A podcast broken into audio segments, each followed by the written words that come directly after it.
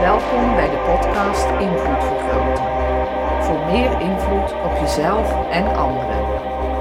Met licensed NLP Master Trainer en door de Vrije Universiteit gecertificeerde OBM Trainer Coach Joost van der Leij. Welkom bij de podcast Invloed Vergroten, waar we onze invloed vergroten door gebruik te maken van het ABC-model, breintype en hypnose. Dit is seizoen 4. In seizoen 4 maken we ABC-analyses van actuele politieke en economische kwesties met Dr. Marius Rietdijk, de complimentenprofessor van de Vrije Universiteit van Amsterdam. Ben je onbekend met het ABC-model, breintype of hypnose? Luister dan eerst naar seizoen 1. Seizoen 2 is de ABC-NLP Practitioner en seizoen 3 zijn 365 hypnotische meditaties voor elke dag 1. Wil je nog meer leren over hoe je je invloed kan vergroten? Kijk dan op www.invloedvergroten.nl.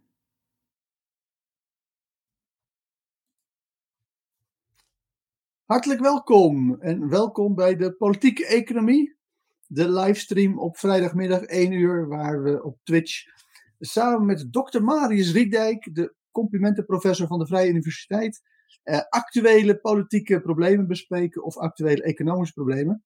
Behalve vandaag, want vandaag gaan we wat meer eh, de filosofie in. Vandaag gaan we het hebben over uh, vrijheid en politiek en verschillende politieke opvattingen over vrijheid. Uh, met name anarchisme, maar ook een libertaire, dat is een beetje een modern rechtsanarchisme. de liberalen, Marius Dietrijk rekent zichzelf tot de liberalen. En misschien ook nog over libertijnen, maar dat is een heel gevaarlijk onderwerp. Maar dat kunnen we natuurlijk niet zonder de man hemzelf, dokter Marius Rietdijk. Marius, hartelijk welkom. Wel Joost, enorme eer weer om uh, met jou te mogen uh, converseren. Ja, de honor is hol, geheel aan mijn zijde. Um, welkom. We hebben vorige week het heel kort erover gehad. En toen dachten we, nou, daar kunnen we een hele stream aan besteden. Um, aan, nou, aan anarchisme. Maar ja, ik denk dat, waarom is anarchisme interessant voor mensen? Als, als tiener reken ik mijzelf tot anarchist. Ik heb zelfs nog een anarchistische ster getatoeëerd op mijn lichaam. Een sterretje, een vrij klein sterretje. Um, maar ik ben tijdens het opgroeien, terwijl ik nog niet heel erg uh, naar een ander uh, officieel erkend politiek, politiekisme ben overgestapt heb ik het idee dat anarchisten toch te slecht in staat zijn om de economie te runnen. Maar jijzelf rekent je volgens mij tot de liberalen. Ja. Kan je aangeven wat jou in het liberalisme trekt? Ja, ik begrijp wel dat er een staat nodig is. ik heb zelf ook in de plaatselijke politiek gezeten. In de tien jaar in de gemeenteraad van van uh, Amstelveen. En nu sta ik nog op de lijst voor de VVD. Eh, en ik heb wel gemerkt, ja, er moeten gewoon wel bestemmingsplannen worden gemaakt. En ja, de grond die beschikbaar is, daar moet ja, keuzes worden gemaakt wat daarmee gaat gebeuren. En waar het geld aan wordt toegewezen. Alleen de ja. vraag natuurlijk is, hoeveel geld wil je aan de staat geven die dat dan weer verder herverdeelt? En hoeveel, in hoeverre wil je dat zelf aan de burgers zoveel mogelijk geven? En ja, ik ben wel van overtuigd dat je dat zoveel mogelijk bij de burgers moet laten. Omdat uh, politici en andere mensen die bijvoorbeeld ambtenaren die moeten beslissen over het geld van anderen, dat toch minder effectief en efficiënt doen dan de mensen zelf. Ja, en je had het over bestemmingsplannen, dat is ook een, een aansprekend voorbeeld. Uh, ik heb het gevoel dat in België er veel minder met bestemmingsplannen wordt gedaan. Uh, als ik daar rondrijd, dan lijkt het toch alsof Jan Alleman, nou, je kan een stuk grond kopen, dan kan je doen en laten wat je wil. Um, is nou het bestemmingsplan niet nou, eigenlijk net een voorbeeld van iets wat je wel aan de burgers kan overlaten? Ja, dat is voor mij uh, nieuw uh, en verrassend dat uh, België dat misschien niet eens kent. Ik weet het niet, hè? Ik, ik heb ja, geen idee. Ik weet het ook niet. Als ik het zo rondrijd, dan lijkt me niet dat ze welstandcommissies hebben. Ja, en, en ja, ik weet niet of je het ook wel eens gemerkt hebt als je uit het buitenland komt. Ik had dat heel sterk toen ik uit Amerika met een aantal reizen terugkwam. Dat het allemaal heel keurig is georganiseerd. Eigenlijk iedere vierkante millimeter in Nederland zie je dan dat dat keurig is georganiseerd. Ja. En ja, we ervaren ook in Nederland wel toch wel veel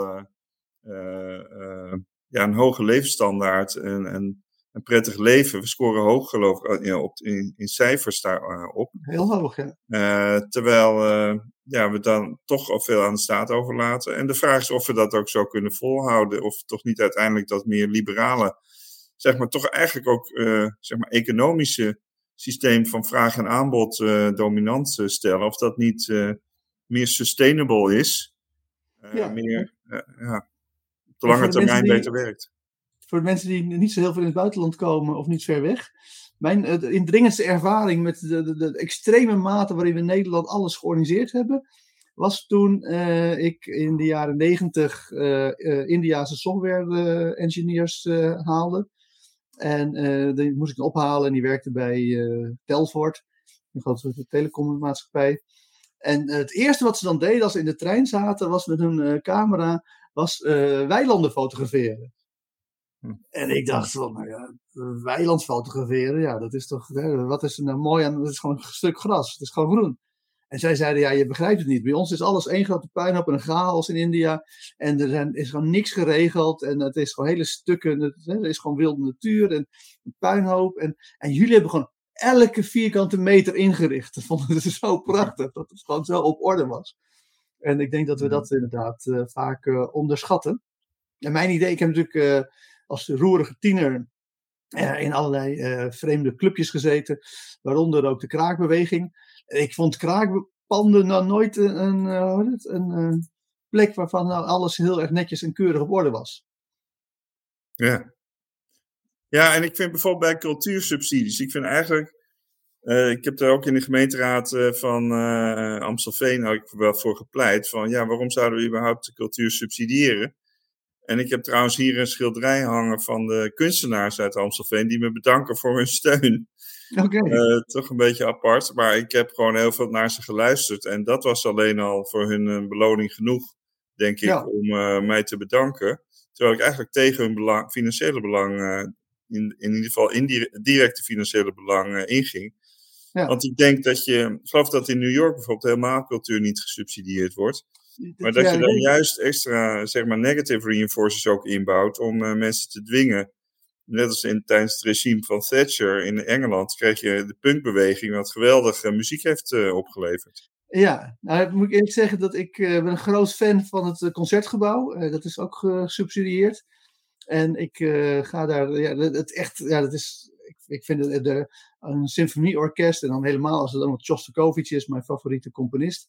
Um, maar dat, die ervaring in zo'n zaal, dat is echt heel anders. Ik heb, toen ik dat mee heb gemaakt, heb ik meteen thuis mijn hele geluidsinstallatie omgebouwd, zodat ik super audio cd's kon afspelen, dat 3D geluid.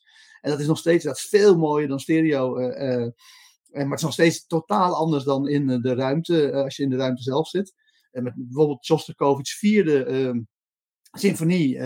Dat is echt een, dat is een symfonie van ongeveer, dat hangt een beetje af hoe snel je speelt, maar 70 à 80 minuten, een hele lange. En er wordt geen enkel patroon herhaald. En hij heeft er onder andere, dat was in de jaren 30 onder Stalin gecomponeerd. En hij heeft onder andere heeft hij allerlei fragmenten van uh, door Stalin vermoorde muzie muzikale vrienden van hem erin verstopt. Zij, uiteindelijk is hij wel bedreigd. Ze hebben hem pas in de jaren uh, 50 hebben ze hem voor het eerst gespeeld twintig jaar later. Want Stalin had duidelijk gemaakt dat als hij dat ging af, ging op, daarmee ging optreden, dat zijn kop er wel eens af zou kunnen gaan. Um, maar ik begrijp Joost dat je het concertgebouw uh, graag wil handhaven. Nou ja, het punt is, is, moeten wij als Nederland speciaal voor Joost van der Leij dat concertgebouw betalen? Ja, dat, dat vind ik wel. Aha. En ik zal uitleggen waarom. Uh, want ik was ook in uh, Orlando, daar doen we vaak NLP-trainingen, omdat Richard Bentler daar uh, zit. En hebben ze ook een, eh, een, een orkest, uh, een concertgebouw. Geen idee of het mooi is, want ik dacht, ja, 400 dollar per kaartje vond ik wat te, te, grof. Terwijl ik gewend ben om hoge prijzen te betalen. Dus in het concertgebouw heb je verschillende locaties. En het maakt echt uit waar je zit, wat de kwaliteit van de muziek is. Het is al een hele bijzondere gelegenheid. En uh, je hebt de Koninklijke Loge. Ik vind daar het, het, het, mooiste. En als de koningin er niet is, dan mogen je daar gewoon de kaartjes verkopen. Maar die zijn vaak de, dat zijn vaak de duurste plekken. Betaal je 75, 85 euro per kaartje. Maar dat is ja, op een of andere manier. Maar je kan ook in de zaal zitten voor 30. En ze hebben ook nog aparte concerten op zondagochtend. Van 15 of 17 euro of 20 euro. Um, en uh, ja, als je dan 400 of 500 euro moet betalen voor een kaartje, op een of andere manier ga je dan toch een soort grens over. En uh, ja, dan, ja, dan moet je een heel argument houden dat uh, de, de, muzikale opvoeding van mensen uiteindelijk Nederland als geheel beter maakt. Of een heel egoïstisch argument maken en zeggen van ja, maar ik ben zo belangrijk dat het belangrijk is dat de rest van Nederland daarvoor betaalt. Ja, we zien nu in de überhaupt de podiumkunsten toch een soort crisis. In ieder geval in Amsterdam. Ik denk dat het verder in het land ook wel zo is. Vanwege uh, dat mensen toch niet na de coronacrisis echt uh, massaal terugkomen. -hmm. Aan de andere kant zie je weer uh, op Netflix en al die andere ehm, ja, streamingdiensten heel veel series ontstaan. Dus bijvoorbeeld acteurs die dan normaal op het podium zouden staan, die, die kunnen dan hun aandacht verschuiven naar naar series waar ze, of films waar ze dan optreden. Dus je krijgt gewoon ook wel natuurlijk door de geschiedenis altijd heb je shifts naar andere, dat de bedrijfstakken werden hervormd. Ja. Dus als je dan heel lang aan bepaalde subsidies vasthoudt, dan uh, mis je natuurlijk vaak ook de boot naar nieuwe ontwikkelingen. Zeker. Uh, en daarom ben ik ook voor het afschaffen van bijna alle subsidies. Okay. Uh, alleen, er zijn situaties waarin uh, nou, het landsbelang niet direct uit te drukken is in geld, maar wel in woorden. En dus als je kijkt naar het concertgebouw, dat is, ja, je kan natuurlijk altijd discussiëren en, en, en het blijft een subjectief oordeel. Maar over het algemeen wordt het gezien als de grootste, mooiste, beste concerthal ter wereld. Ja.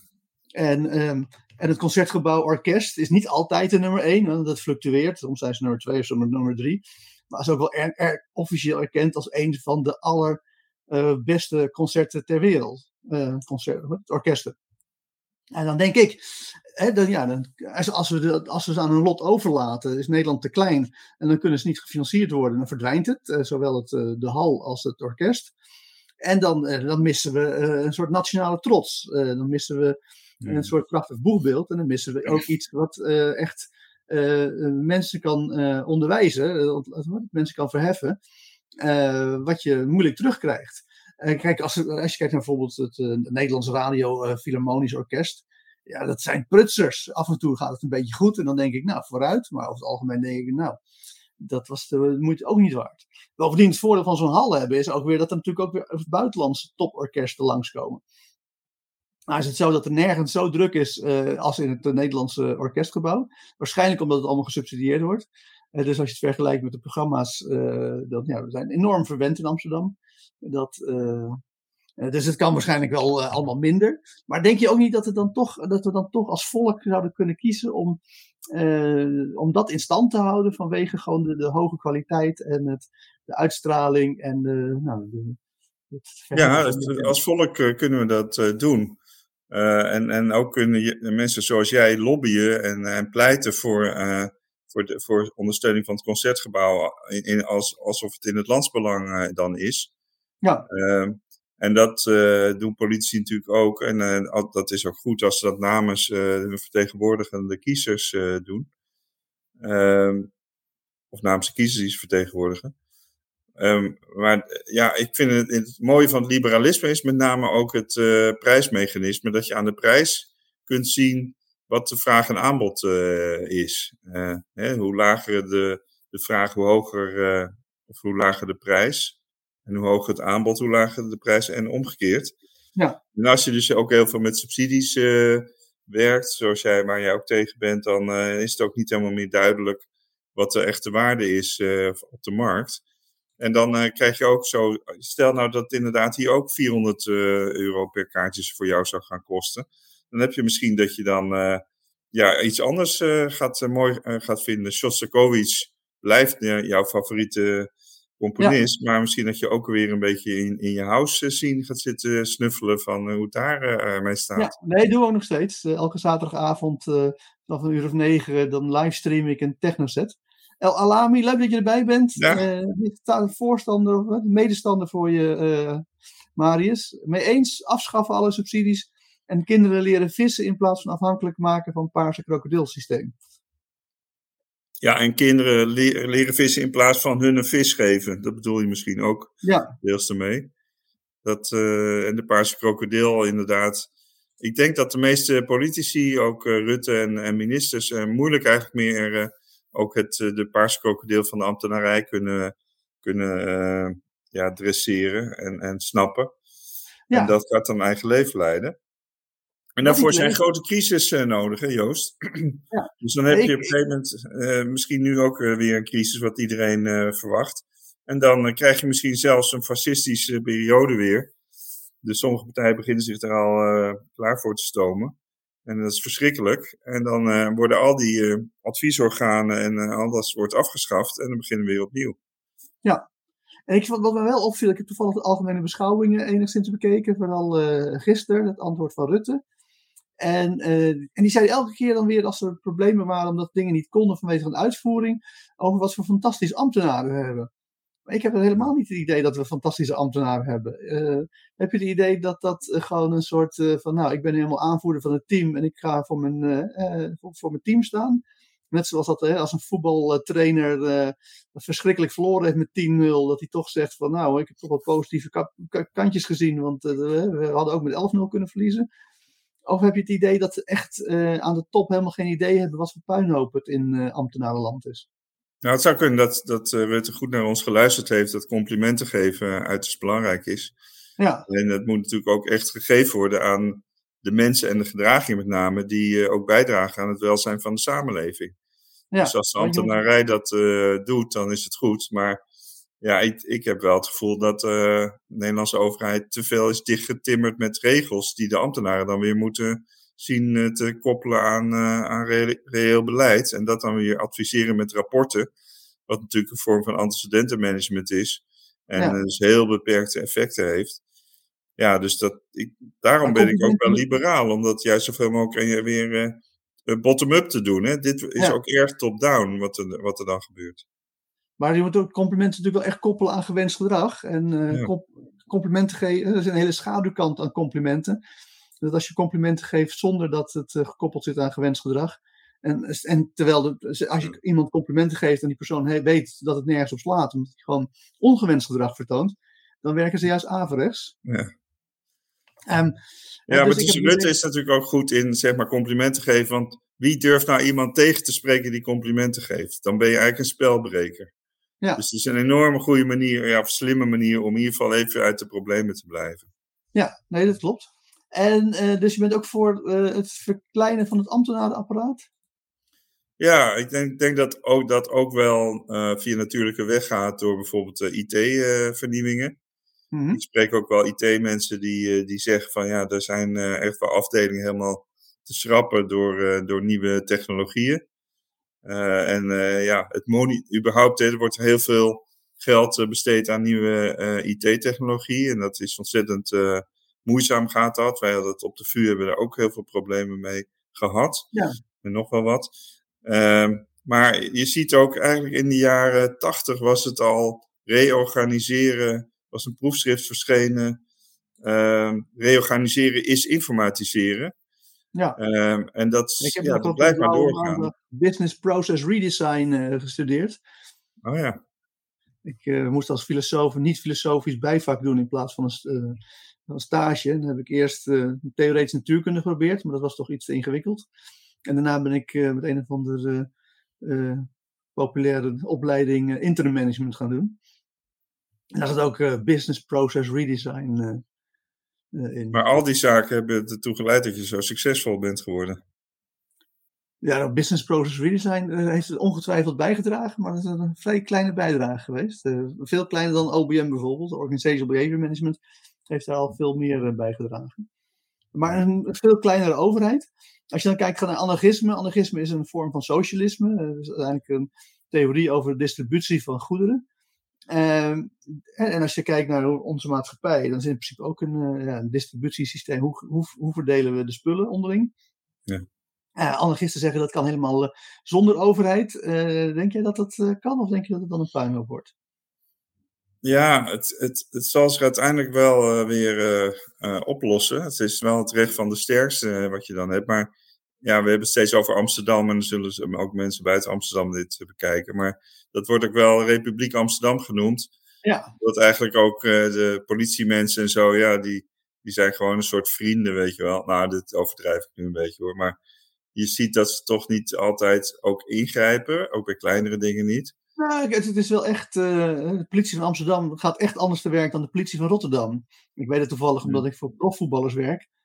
En een van die profvoetballers, of dat is een van de eh, agenten waar ik voor werk, heeft veel te maken met Ziyech, een beroemde voetballer. Hij is nu in het buitenland in Londen, maar uh, hij heeft veel voor Amsterdam gespeeld. Ja. En, uh, en Ziyech vindt het leuk om met hele grote dure auto's rond te rijden door steden. En in Amsterdam wordt hij altijd aangehouden omdat hij te hard rijdt. Maar in Amsterdam is het dan zo dat ze hem aanhouden en dan zeggen ze: Oh, oh zie je, nou, dan rijden we weer door. Dus misschien ook omdat hij voor Ajax speelde in die tijd. Maar in Rotterdam hebben ze hem echt gepakt. En dan hebben ze hem ook echt, uh, zeg maar, nou ja, hardhandig in politiebusjes gegooid en uiteindelijk uh, wel weer vrijgelaten. Maar dan uh, gewoon vrijgelaten voor het treinstation midden in de meute, ver weg van zijn auto. Dus ja. Ja, je ziet sowieso in Rotterdam natuurlijk dat daar erg 020 wordt. Amsterdam wordt niet eens genoemd maar wordt als 020, omdat het toch ja, het grote broertje is, uh, toch altijd uh, wordt een beetje ja, ja, erg in de gaten gehouden. Ja, maar ja, echt anarchie. dat betekent dus dat je ook geen eigendom hebt, Joost? dat, Precies, dat is dus interessant. Hè? We hebben dus, ja, ik heb als anarchist in, in tiener heb ik het allemaal ja. gestudeerd. Dus je hebt ja. Proudhon, een beroemde anarchist uit de 18e eeuw uit mijn hoofd. En die zei een aantal dingen. Die, maar die is vooral beroemd geworden met de uitspraak: eigendom is diefstal. Het idee dat als iets van jou is, dan heb je het gejat. Um, maar hij heeft ook gezegd, eigendom is vrijheid. dus dat is, eh, in het, dat de meeste mensen vielen over dat zinnetje eigendom is diefstal. En hij heeft nog eens, ik zal even kijken of ik het op internet kan vinden. Maar hij heeft drie dingen gezegd. Uh, eigendom is vrijheid, dat was de eerste. En daarna was nog eentje. En dan uh, ja, want als je inderdaad iedere keer moet onderhandelen weer over de vrijheid, of dat je iedere keer zeg maar straatgevechten krijgt om de huizen die daar zijn, dat lijkt me wel erg uh, veel gedoe geven. Dus dan is. Uh, ja, en ja, dat is... dat mensen dat gewoon. dus als je kijkt bijvoorbeeld in de kraakbeweging, daar was er natuurlijk geen politie. op kraakpanden kwam de politie letterlijk niet in. En dan, dan is het toch dat het, ja, toch het zichzelf een beetje regelde. Dus, hm. de, dus ze gunden het dan ook de mensen die een bepaalde bezit hadden, dat ze dat ook mochten houden. Die uh, anarchisten of de. Ja, dus je spullen werden niet per se afgepakt. Zijn er ook experimenten mee gedaan, Joost, ergens in de geschiedenis met anarchisme? nou, je hebt ja, niet heel erg succesvolle dingen, maar je hebt bijvoorbeeld de Parijse Commune uit 18 zoveel, uit 1871 of zo. Um, en dat is, uh, dat, maar dat heeft toegeleid dat de Duitsers meteen uh, gingen binnenvallen om dat uh, recht te zetten. Ja, ik ben dus wel, anders dan jij misschien, erg optimistisch over wetenschappelijke en, en, technologische ontwikkelingen. Ik denk bijvoorbeeld nu ook dat de markt, die is nu ook natuurlijk bezig steeds meer met televisiezenders of ja, kanalen, niet alleen maar televisie, maar en dat de overheid dus uh, daar helemaal zich niet meer mee hoeft te bemoeien. Dus ik, ik ja. vind ook dat de NPO, dat mag best wel flink verminderd worden. Maar zo zijn er wel meer dingen. Naarmate mensen individueel veel sterker worden en zelf uh, bedruipend zijn, ja, dan heb je dus minder staat nodig. Ja. Dus ik denk dat dat eigenlijk via natuurlijke weg gaat. Sorry, wat zijn derde slogan was. Dus de eerste was ja. bezittersvrijheid. Nou, ik neem aan dat jij daar als liberaal helemaal achter staat. Ja. Klopt. En de tweede was dat hij zei als bezit is onmogelijk. Daar zit ook wel, uh, zit ook wel wat in. Omdat je na je dood raak je toch weer kwijt, bijvoorbeeld. Nou ja, bezit is natuurlijk een abstractie. Hè? Dat, uh, als, ik, uh, als ik bij mijn auto sta en zeg hij is van mij. Ja, wat zeg ik dan? Enige wat ik dan zeg is dat als jij, als jij hem gaat proberen te pakken, dan komen er gewapende mensen en die gaan je arresteren. en dat, dat is eigenlijk, maar ja, dat is natuurlijk bezit bezit als bezit. Ja, het is anders dan ademhalen. Ja, nou ja, ik heb ook weer die uh, boeddhistische meditatie gedaan hè, van tien dagen. En daar wordt gezegd, ja, bezit, dat is ook een vorm van hechting.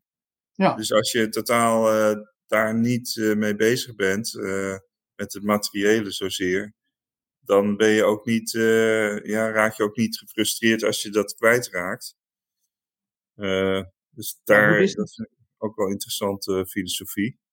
Maar boeddhisten hebben het idee dat dit natuurlijk allemaal maya is, allemaal illusie. En dus als jij eh, in deze illusie leeft en denkt dat het echt is, dat is al fout. En als je denkt in deze illusie dat het ook nog dat je iets hebt, ja, dan, eh, en je wordt emotioneel als het afgepakt wordt, dan eh, ja, dat zullen allemaal heel erg overstuur van raken. Althans, raken ze niet overstuur, want zij denken, het is allemaal een illusie, waar maak je druk om? Maar dan, ja, dan eh, ont- ont- ontken je überhaupt dat er iets bestaat. Wat voor boeddhisten heel begrijpelijk is, want die geloven in nirvana, het absolute niets. Ehm, Ja, dus ja, alles ontstaat en vergaat, zeggen ze. En dus eh, alles wat je nu wil pakken, dat is op het volgende moment eigenlijk weer weg. Ja. En het is vooral, denk ik, wel therapeutisch heel goed. Dus als je ergens aan gehecht bent, of je bent erg boos ergens over, of je verlangt heel erg naar iets of iemand, ja, dan kan dat heel erg eh, verstorend zijn in je welzijn en in het eh, goed kunnen reageren in het hier en nu. Dus het dan loslaten, dat is wel, denk ik, wel goed. Maar om het Ja. heel absoluut te maken, en dat is misschien weer ook wel interessant, de onvolledigheidsstelling van Gödel, de, in de wiskunde, die zegt van ja, geen enkele theorie en geen enkele, ja, ook basis uitgangspunten van de wiskunde, die zijn absoluut. Er zijn altijd, kun je weer onderliggende aannames onderleggen. ja, Dus nou, niet- het- het- Ook anarchisme en wat, ook andere theorieën, die zijn denk ik nooit absoluut altijd goed. Ja, nou, wat de onvolledigheidsstellingen van Gödel zeggen, is dat, eh, dat, je nooit, dat, er, dat er in elke taal, eh, in, in dit geval dus gaat het over wiskundige talen, maar dat er in elke taal eh, stellingen zijn die, wij direct inzien als absoluut waar, maar die niet in de taal zelf eh, bewezen kunnen worden. Ja, ja. Eh, en dat is een heel duidelijk voorbeeld. De- deze zin is waar. eh, die is bijna nooit te bewijzen in de taal zelf. En dan moet je een metataal verzinnen. En dan kan je wel in die metataal kan je dan wel weer gaan wel, wel weer bewijzen dat dat klopt.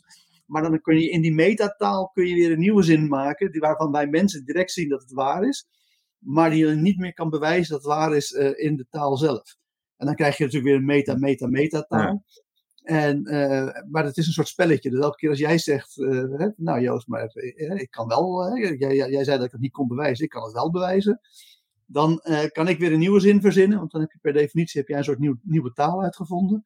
En dan kan ik in die nieuwe taal die jij dan net uitgevonden hebt om mijn vorige zin te bewijzen, kan ik weer een nieuwe zin creëren, die jij dan vervolgens weer niet kan bewijzen. Ja, en dan krijg je ook weer de paradox uit, hè, van de zin bijvoorbeeld, ik lieg altijd. Dat is een soort eh, paradoxale zin, want die, Nou, dat is meer, dat is Russell, dat, dat is een vo- voor- voorganger van eh, Gödel. En, eh, dat, en die heeft gewoon als regel gesteld, je mag geen zelfverwijzende verzamelingen hebben. Dus eh, dus oh, ja. als je die eruit gooit, dan zou het probleem opgelost zijn. Maar hij is de, de, dat is al uit de oude Griek bekend. Je hebt volgens mij, ik ben zijn naam vergeten, maar ik weet dat hij uit Kreta kwam, want hij was een Cretenser. En die, zei al, die kwam aan bij eh, Athene en die zei, eh, luister nooit naar Cretensers, want die liegen altijd. En ik vind het ook mooi van, van mediteren dat je daarmee. Je moet eigenlijk letten op je ademhaling en op je gewaarwordingen en niet zo te veel nadenken, maar dat kan niemand. En daarom zeggen mensen tegen mij ook wel van, ja, ik kan niet mediteren, want ik denk, moet dan steeds nadenken. Dan zeg ik, Ja. ja, maar dat is dus het pad wat je dan moet opgaan. Maar als je dan dus toch denkt, dan zie je dus allerlei patronen in je leven en daar ga je dus naar op, die ga je observeren en dan ga je dus eigenlijk boven staan, waardoor je dat eh, abstraheert en weer een niveau hoger komt en met een andere taal dus eigenlijk naar, eh, ik weet niet of ik het helemaal exact zo goed uitdruk, maar met een andere manier in ieder geval naar die eh, observaties weer gaat kijken en daardoor uit, uit ja, verkeerde patronen of beperkte patronen kunt gaan stappen. Ja, nee, het is eh, zeker heel nuttig. Persoonlijk denk ik wel dat eh, meditatie uiteindelijk tot doel heeft om het denken te stoppen. Ja. We hebben eh, een techniek ontwikkeld, hypno-yoga. Het blijkt dat als je mensen hypnotiseert, dat het aanzienlijk makkelijker wordt om hun gedachten te stoppen. Ik zal Ja, een ja. linkje erin plaatsen. Ehm, Maar op zich is denken de- ook niet verkeerd. maar het is inderdaad het doel van mediteren is om daarmee te stoppen. Maar wat ik heb is heel erg dat ik dan nieuwe dingen bedenk en wel tot rust kom. Maar daardoor weer meer prikkels op mijn schouders leg, omdat ik dan allerlei activiteiten ga ondernemen, die dan weer via meditatie weer moeten worden gekanaliseerd. Dus zo blijf je lekker bezig. Ze hebben, ze hebben in de yoga hebben ze de verschillende niveaus van hoe, hoe je zeg maar, afgeleid wordt van meditatie. het eerste niveau is gewoon dat je lichaam pijn gaat doen of gaat jeuken. Dat uh, wil je niet.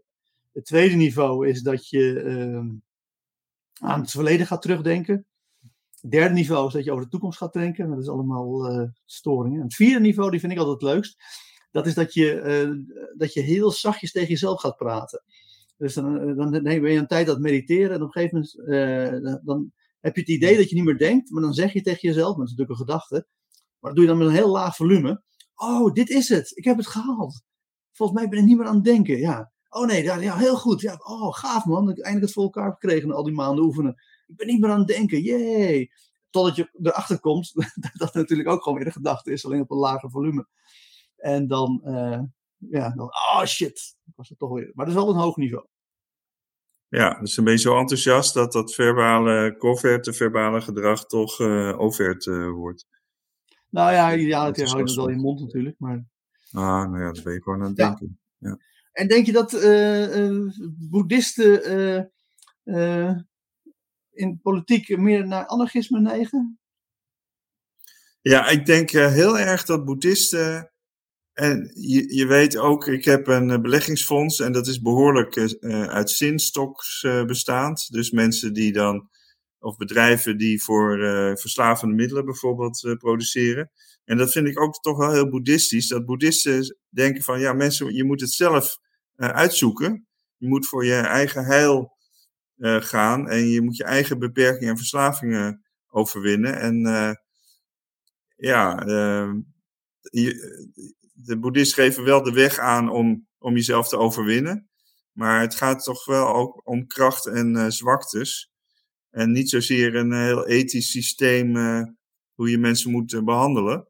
Ja. Het is wel zo, het is mij ook wel ingeprent dat je ook wel echt goed en slecht gedrag hebt. Mm -hmm. En ja, goed gedrag draagt dan bij aan het welzijn van de, van de mens. En dat moet je dan proberen te versterken. Dus dat sluit op zich ook wel erg aan bij, bij OBM bijvoorbeeld waar je net over had, Organizational Behavior Management en gedragsanalyse.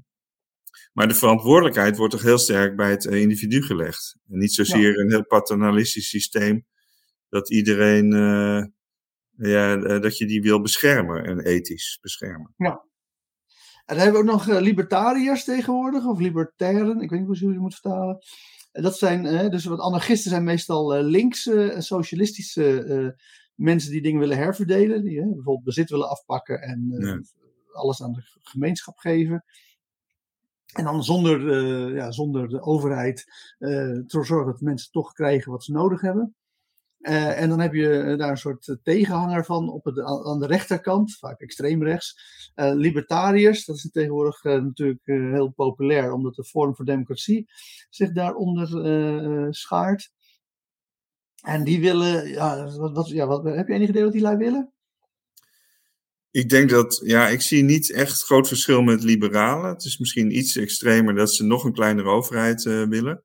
Mm -hmm. Misschien ook meer uh, economisch met de Oostenrijkse school, dat je ook je eigen munt uh, moet zien, mag, mag maken. Terwijl liberalen met Milton Friedman, denk ik toch wel ook als vertegenwoordiger, die vindt dat de overheid dat moet blijven drukken. Um, en ja, Baudet, die is zeg maar ook gisteren weer, zegt hij dat uh, Kaag een soort anti- van uh, globalist is. Ja, ik denk dat uh, libertariërs juist globalisten zijn. Ja. En lijkt alsof Baudet nu, nu anti-globalistisch is. Dus ik vind hem niet zo libertarisch. Hij wil meer toch terug naar de jaren 50 van, van ne en Nederland nationalistisch ja. zijn. Nou, de vraag is, uh, Alami van vraag, politicus Ron Paul is toch een libertariaan? Dat is misschien de juiste naam, ik weet het niet. En dat klopt, ja. Ron Paul is een, van de, uh, is een gepensioneerde republikein. Dus hij wel bij de Republikeinse Republiek gezeten, maar die is inderdaad libertariër. En zijn zoon, Rand Paul, die zit nu in de Senaat. Nou, die heeft de Senaatzetel van Ron Paul overgenomen van zijn vader. En die is ook nog steeds libertariër. En die zijn, maar ja, ik denk dat ze, die, die zijn toch heel erg anti-globaal. Uh, maar ze zijn, ja, zijn wel iedereen voor zich, hè, dus recht van de sterkste. En Amerika moet zich terugtrekken uit de wereldpolitiek. Iedereen moet maar zijn eigen boontjes doppen. Wij moeten niet Europa beschermen, het kost ons te veel geld. bovendien is het zo dat in die samenzweringshoek dat heel populair is. en Baudet zit natuurlijk tegenwoordig met nou, beide voeten dik in, in die samenzweringswereld. Dus ik denk dat hij zich wel uh, libertariër noemt. Ook al uh, ja, denk ik dat als je, het, uh, als je hem de macht zou geven, dat het, fascisme, dat het in fascisme zou omslaan. Ja. Ik heb het idee dat libertariërs erg de neiging hebben om vooral voor zichzelf alle vrijheid op te eisen. Maar als zodra iemand anders dan zijn of haar vrijheid opeist op een manier die zij niet, niet leuk vinden, dat ze dan meteen overstuur zijn. Ja, maar je ziet dus wel duidelijk in Amerika veel meer denktanks die veel extreem liberaler zijn. En dan ook wat we denk toch inderdaad libertarisch zouden noemen dan in uh, Nederland. Ja, maar je moet ook rekening houden dat het liberalisme is letterlijk vertaald in het Engels, de liberals. En dat is de linkervleugel van de democraten. Ja, de VVD, ja. De VVD is oorspronkelijk een, de rechts, het is, is in de jaren in 1945 is die afgesplitst van de PvdA. Althans, ze hebben nooit samen opgericht. Maar het idee was, hadden, de Duitsers hadden alle Nederlandse politici in één hotel ergens in Breda, volgens mij. Of in ieder geval in Brabant. Uh, als uh, uh, het, gijzelaar gezet. Niet wetende dat dat een ideale omgeving was. Voor hen om met elkaar te overleggen voor hoe organiseren we Nederland na de Tweede Wereldoorlog. En, uh, en daar was eigenlijk de bedoeling, om, eh, omdat zeg maar de, de, de, een grote volksbeweging zou zijn tegen de, de religieuze. En dat zou de PvdA worden. En toen is op het allerlaatste moment is de rechtervleugel van de PvdA afgesplitst. Want die zeiden, nou, jullie zijn toch te socialistisch en te veel op Rusland gericht. Ah. Weg? Oh, de baby. Ja, en, en wij, gaan, uh, wij gaan lekker uh, rechtse politiek uh, voeren. Um, maar het is natuurlijk rechts in, in Nederlands perspectief, ook na de Tweede Wereldoorlog. de VVD is sindsdien natuurlijk enorm opgeschoven naar links. ik denk alle partijen. Ook mede dankzij ja. de welvaart en de, het klimaat en het milieu. Dus iedereen is tegenwoordig groen. maar in Amerika schrijft men op naar rechts. En uh, liberals, ja, dat zijn toch. Dat, dat, dat, dus, ja, pas op wat je zegt in Amerika als liberaal. Ze zien je toch als een soort extreem linkse, een bijna, een bijna communistisch iemand. Die uh, Amerika wil laten opgaan in een soort wereldregering. en dat is dus de linkervleugel van de Democraten. Dan heb je de Democraten. De Democraten hebben ook nog een rechtervleugel. Daar is een beetje ruzie mee uh, vandaag de dag. En dan pas heb je de Republikeinen. En die hebben dan een, een linkervleugel die dan zeg nog maar rechts van de rechtervleugel van de Democraten ligt. Dan heb je het midden, dat hadden ze althans. En dan heb je nog de rechtervleugel waar Trump uh, uit voortkomt. Ja, dus ook die woorden liberaal en liberal, dat wordt, moet je eigenlijk ook weer via een ABC-analyse bijna be bekijken hoe dat ontstaan is. En dat is natuurlijk heel erg contextafhankelijk ook. Uh, en, en ja, uh, je weet, Skinner, uh, B.F. Skinner is een belangrijk voorbeeld voor me. Ook gezien zijn, vooral gezien zijn experimenten, die eigenlijk waar geen spel tussen te krijgen is over gedrag. Maar ook zijn interpretatie voor de mensheid. En die heeft een boek geschreven, Beyond Freedom and Dignity. Je mm -hmm. ziet hier, ik wijs het even aan, even kijken of ik dat met mijn hand bij kan. achter mij zie je een, een plakkaat van Skinner op, in de Times Magazine. En dat is misschien niet goed te zien. Uh, maar er staat Beyond Freedom and Dignity. En uh, hij zegt dat liberalisme, dat echte vrijheid niet kan bestaan. Hè? We zijn altijd afhankelijk van zuurstof en onze uh, omge sociale omgeving. Dus echt liberaal kunnen we in principe eigenlijk gewoon niet zijn. Nee. En, en zijn, ja, zijn interpretatie en definitie van liberalisme is dat je je eigenlijk bev wil bevrijden van, uh, van dwang. En, ja. en, dat is, en dat is zijn grote boodschap. We moeten eigenlijk een, uh, een samenleving uh, organiseren. En hij heeft daar ook een bestseller over geschreven, Walden 2. daar heeft hij zo'n samenleving beschreven. En ik zag pas nog in de boekhandel ook hele recente voorbeelden van, die, van dat soort gemeenschappen die daadwerkelijk in Amerika zijn ontstaan. Ik zeg allemaal bijzinnen nu. Ik, andere bijzin is dat ik een, zelf niet zo heel enthousiast over die gemeenschappen ben, omdat ik ze te, te klein en uh, beperkt vind. Uh, maar, maar die analyse van uh, ja, het, het willen onttrekken aan dwang, en regels zijn ook dwang, Dat vind ik een hele sterke operationele definitie van liberalisme. En hij zegt gewoon, het is heel natuurlijk dat je je onttrekt aan dwang. Dat, we willen allemaal niet negatief versterkt worden, maar positief versterkt worden. En dat kunnen we natuurlijk ook doen door, uh, door op scholen en door dat gedachtegoed van het gedragsanalyse goed te verspreiden, zoals ik ook probeer te doen. Ja, het is natuurlijk eh, twee soorten vrijheden: negatieve vrijheden en positieve vrijheden. Uh, negatieve vrijheden zijn dat je vrij bent van ellende. Uh, en vrij, vrij van dwang en vrij van onderdrukking en dat soort dingen. Vrij van marteling. En positieve vrijheden zijn dat je vrij bent om iets te doen. Dat je, uh, dat, je, dat je vrij bent om naar school te gaan. En dat je niet, je, dat als je geen geld hebt voor school, dat dan de staat dat voor jou betaalt zodat je toch die vrijheden hebt. En dat is ook een van de verschillen tussen link, wat, hè, wat algemeen links en rechts wordt genoemd. Uh, dat is dat uh, rechtse politici die zijn vooral druk maken ze over negatieve vrijheden en linkse politici maken zich vooral druk over positieve vrijheden. Ja, dus uh, negatieve vrijheid is dus dat je, on, dat je aversieve prikkels vermijdt. En positieve vrijheid dat je positieve prikkels nastreeft. En ik snap heel links ook heel goed dat je maar positieve vrijheid is natuurlijk vooral dat, de, de, dat, dat, dat de overheid uh, zorgt voor die positieve prikkels. Oh. En je mag ze natuurlijk met negatieve vrijheid, dan ben je vrij om ze na te streven. Maar dan, ja, als je ze niet krijgt, dan, is het gewoon, dan ligt het aan jou. Maar mensen van die positieve vrijheid, die vinden juist dat jij als het ware gegarandeerd moet worden dat je positieve consequenties krijgt. Als jij je een bepaalde richting in wil uh, ontplooien. Ook al had je dat in je eentje nooit voor elkaar gekregen. Ja. Ja, en dat zeggen dan de, zeg maar de ondernemers, dat zie je ook in de, in de Tweede Kamer, die zeggen ja, uh, kunnen we allemaal bijvoorbeeld uh, mensen uh, en bedrijven dwingen aan vaderschapsverlof, moederschapsverlof en andere vrije dagen, maar het moet wel verdiend worden. En dat moeten die ondernemers dan uiteindelijk toch doen. En dat zien dan de linkse politie als een soort gegeven dat die ondernemers er zijn. maar anders, ja, nou ja, het is gewoon een bekend verhaal natuurlijk, ontneem je de prikkels aan die ondernemers om, uh, om iets nieuws te bedenken. En dat is natuurlijk een heel spel, uh, dat is ook weer een globaal spel. De Amerikanen zijn daar heel goed in uh, door hun de tucht van de markt. En als wij maar allerlei beperkingen gaan opleggen aan de ondernemers, dan komen we gewoon achter te liggen. En dan zullen we echt ja, in de problemen komen economisch. Me zeggen, het mag natuurlijk niet zo zijn dat rechts geld binnenhalen en links mag uitgeven. Ja, de, dat, dat, ja, dat is natuurlijk wat rechts altijd zegt. Maar uh, feitelijk, als je kijkt naar uh, rechtse regeringen, dan zijn rechtse regeringen eigenlijk veel meer bezig met geld uitgeven dan linkse regeringen. De, uh, de, rechts probeert te doen alsof ze heel fiscaal gezond bezig zijn. Maar het is vaak zo dat zij, en dan voelen ze zich gedwongen door de omstandigheden natuurlijk, toch bezig zijn met veel geld uit te geven. dat zie je ook onder Trump mega grote tekorten. Uh, in Engeland, uh, in, de, het hele Brexit-gedoe, nu ook wel met de nieuwe premier Truss, die als eerste meteen zegt: huppatee, 100 miljard tegenaan om de energierekening uh, ja. te betalen. En dan, ja, dan crasht alles uiteindelijk, omdat het te veel geld uitgeven toch een probleem blijkt te zijn. En dan wordt links verkozen en dan moet links moet dan de problemen oplossen.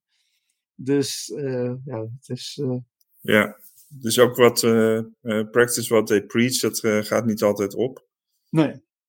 ze laten het dan niet echt los en willen toch ook weer die korte termijn consequenties voor henzelf ervaren. Dat mensen weer heel blij zijn met hun als nieuwe premier. Ja. Helemaal cadeautjes te gaan weggeven. En dus als je ook kijkt naar de George Bush, vind ik een mooi George Bush junior, een mooi voorbeeld dat hij uh, hele, de hele campagne riep: Ik ga geen nation building doen, ga geen nation building doen, ga geen nation building doen en dan uh, Irak en Afghanistan binnenvalt. En daar vervolgens uh, tien jaar, twintig jaar vastzit. Ja, ja, ja, daar heeft uh, Warren Buffett en Charlie Munger hebben daar ook wel een mooie uitspraak over gedaan. Want die selecteren bedrijven hè, om in te beleggen. En die selecteren liefst ook bedrijven waarvan ze zeggen dat als een idioot daar aan de macht komt, dat het bedrijf dan toch nog uh, redelijk zal blijven functioneren, omdat het businessmodel zo goed in elkaar zit. Ja. Dat is eigenlijk bij in de Verenigde Staten zit het businessmodel zo goed in elkaar, de prikkels zijn zo goed, Eén grote taal, en dat is natuurlijk een groot verschil met de EU. Uh, eh, nou ja, dat, uh, en, en Enorme... Bush was dan misschien een beetje idioot bezig naar aanleiding van die 9-11 uh, gebeurtenis. Maar dus ja, als een idioot aan de macht komt, de Amerika blijft wel functioneren. En daarom heb ik eigenlijk ook steeds minder belangstelling überhaupt voor de politiek, want die volgt toch in feite de economie. Ja, hey, dus het, uh, dat is natuurlijk ook het mooie van uh, Amerika, dat ze enorm uh, ook niet alleen één taal hebben, het is eigenlijk tegenwoordig al twee talen. Het zuiden is eigenlijk meer Spaans dan Engels. dan, als je daar geen Spaans, ik kan geen Spaans, nogmaals, ik kom het enige regelmaat in Orlando. En dan merk je toch al dat het echt lastig wordt zonder Spaans in Orlando gewoon van A naar B te gaan. En mm. Maar de, de arbeidsmobiliteit is heel hoog. Hè? Dus in Amerika is het uh, ja, dermate weinig sociaal vangnet. Dat als er uh, op een bepaalde plek in Amerika geld te verdienen valt en banen zijn, ja, dan stroomt iedereen daarheen. Je hebt natuurlijk allerlei staten zoals Delaware, waar helemaal geen geld te verdienen is, waar ook niemand woont. En dat is iets wat ze natuurlijk ook um,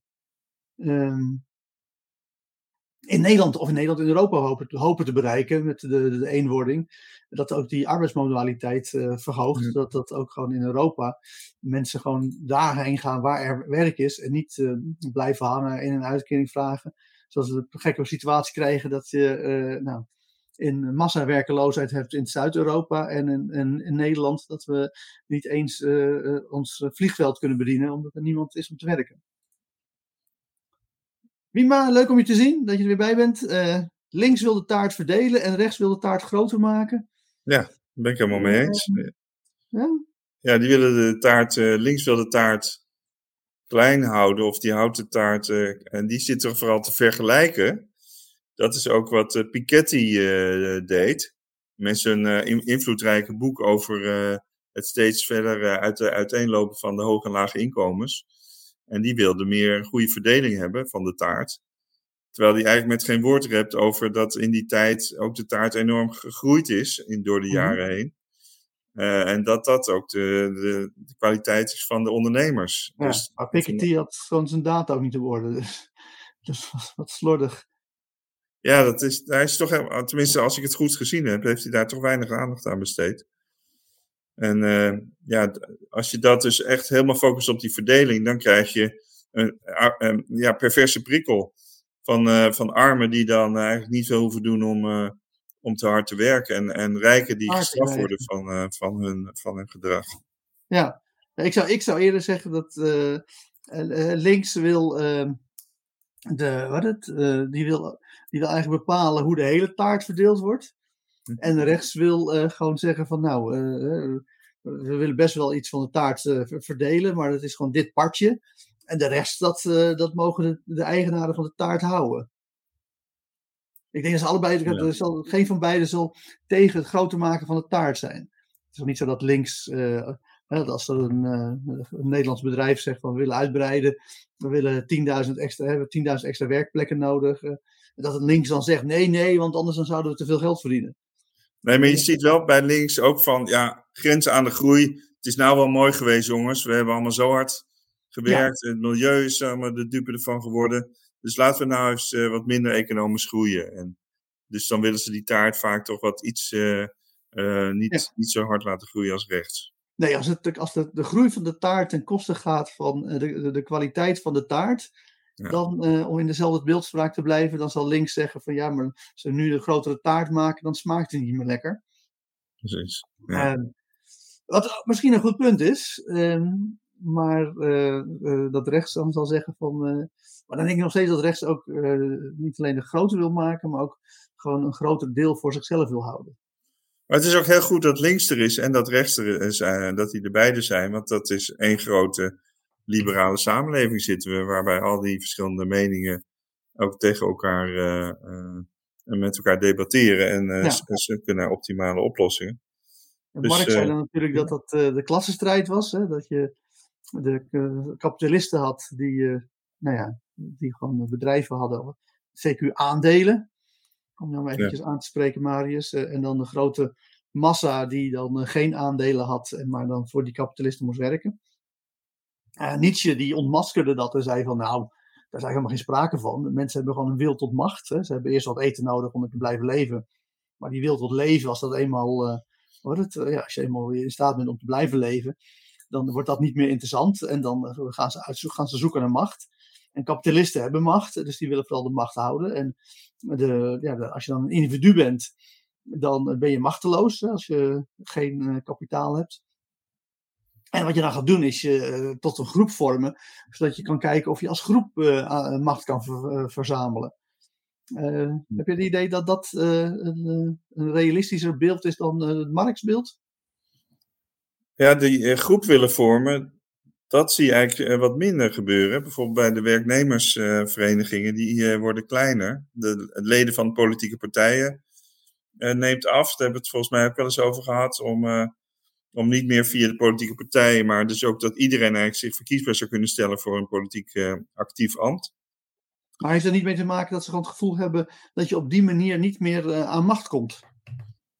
Ja. Want je kan wel zien, denk... als je kijkt naar de wappies, eh, dat als jij uh, onder leiding van Baudet je allemaal tot het keurkorps van Baudet laat horen, dan zie je toch dat mensen daar ja, toch wel weer graag bij een groep horen.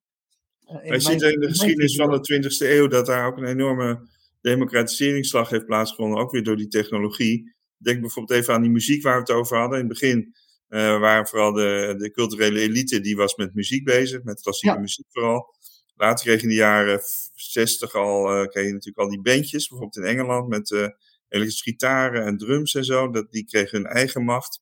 Ja. En nu zien we steeds meer ook dat het individu via sociale me media en uh, eigen bedrijfjes ook uh, macht kan verzamelen. Dus ik denk dat dat ook een trend is die dan ingaat tegen die groepstrend.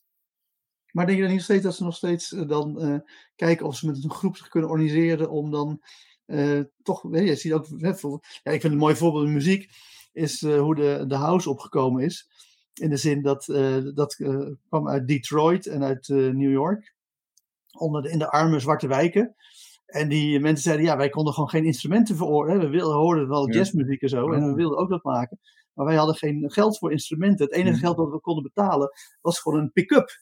Dus wij konden hmm. plaatjes draaien. En toen zijn we die pick-ups zijn we gaan gebruiken om dat als, uh, als een instrument te gebruiken. In plaats van als een, uh, uh, in plaats van een, saxofoon of een trompet of zo, wat we niet konden betalen.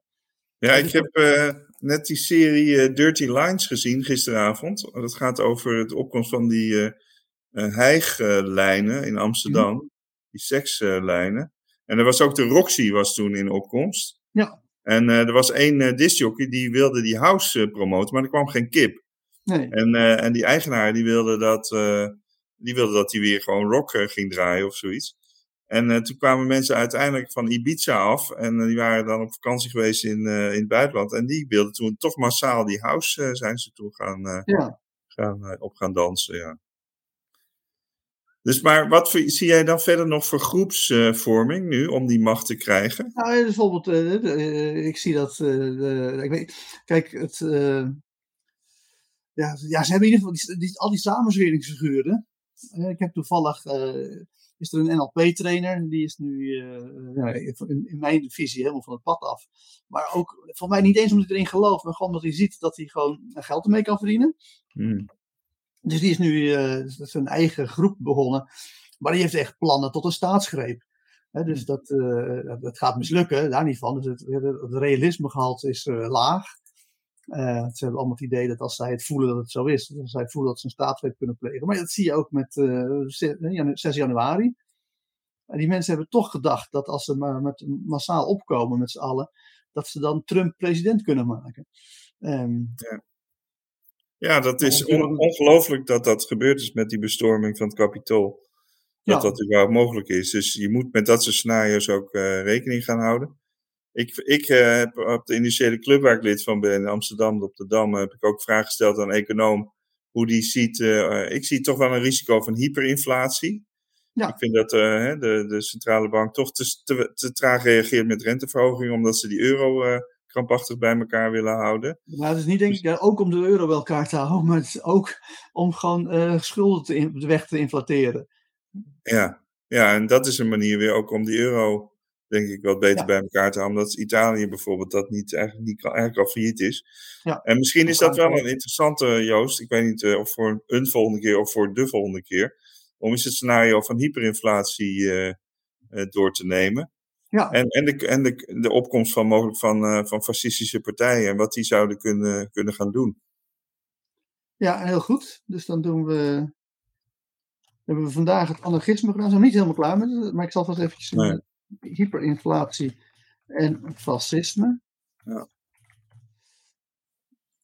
Overigens is er ook geldt ook weer dat natuurlijk ook, eh, als je kijkt naar de jaren dertig, uh, toen Ja. fascisten echt opkwamen, dat er ook altijd eh, communistische knoppartijen betrokken waren. En dus ook links eh, dat gaat zich dan eh Ja, roeren. Dus dat een hele, ja, hoe noem je dat?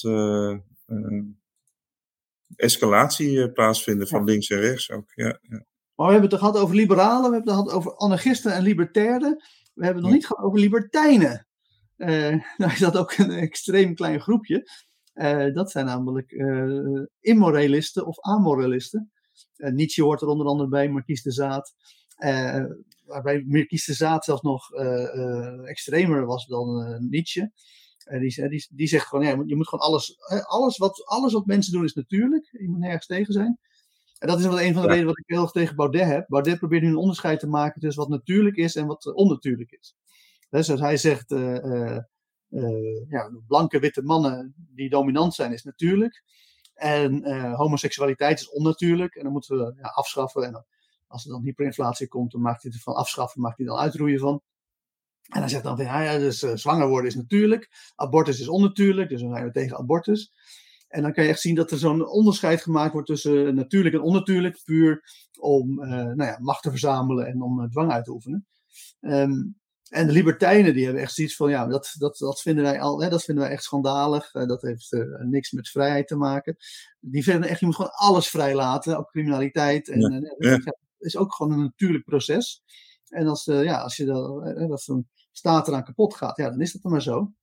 Ehm overigens zei je van, hè, de, de, de boeddhisten hebben weinig ethisch of weinig ethiek. En geen ethiek hebben is natuurlijk ook een ethiek. Hè, dus dat is ook het probleem van, eh, van amoralisten. Die, eh, die claimen dat ze amoreel zijn. Eh, Nietzsche noemt dat. Die zegt van, nou, hè, ik ben niet immoreel, maar ik ben ook niet moreel. Ik ben amoreel. Maar dat is op zichzelf zijn natuurlijk wel weer een moraliteit. Dus je kunt, Ja. de, de, de term moraliteit is dermate, hoe zeg je dat, breed. Dat als jij zegt dat je amoreel bent, je probeert je aan te onttrekken. Ja, dat is natuurlijk gewoon ook een vorm van moraliteit. Dus ik denk niet dat de boeddhisten weinig ethiek hebben. Ik denk dat ze gewoon een hele specifieke ethiek hebben. Een ethiek waarbij er gewoon weinig interferentie of in- weinig dwang naar buiten gaat, weinig eh, interfer- Ja. interfererend is. Ja, het is, ik vind het een heel mooi onderwerp om hiermee eh, inderdaad eh, te, te, te eindigen dit uur. Ik kunnen inderdaad nog iets langer maken misschien. Maar ik heb ook de afgelopen week juist heb ik me ook in de zaden verdiept een beetje. Omdat ik een vriendin nu heb, een van mijn vriendinnen, die, die helemaal uit een, heel, uit een huwelijk komt, die heel erg eh, ja, strak was, zeg maar, eh, via negative reinforcement. Mhm. En, en ook daar, op, eh, op seksualiteitsgebied ook, wat de Zaad natuurlijk vooral bekend door is geworden, van zijn vrijheid in, sad- ja, in met name sadisme en, en masochisme.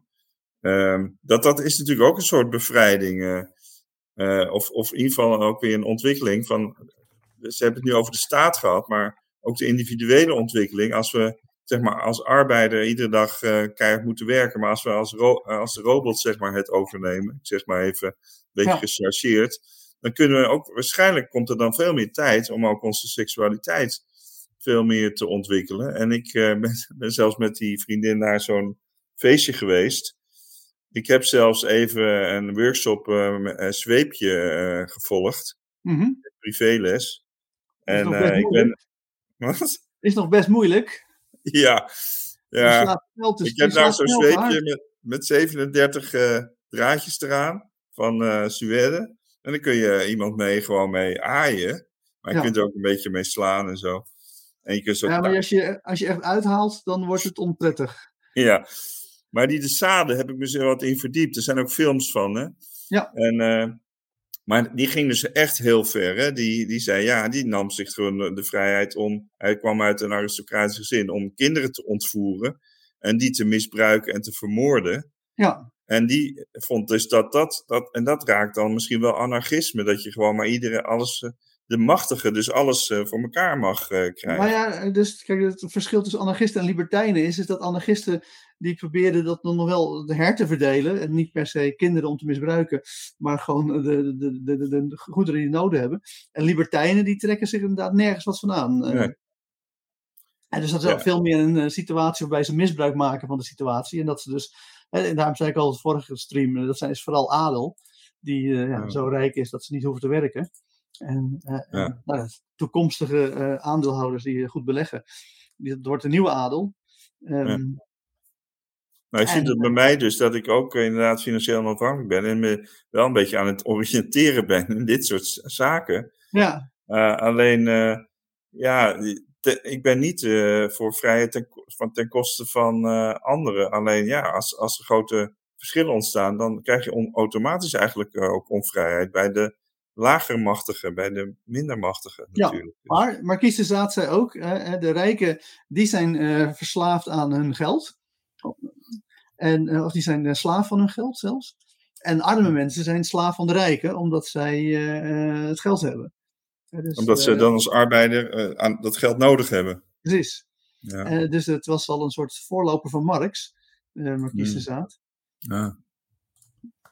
Ja, heel interessant is dat. Naast alle sadistische teksten heeft hij ook een hoop politieke, filosofische teksten geschreven. Ja, over vrijheid ook. Ging hand in hand.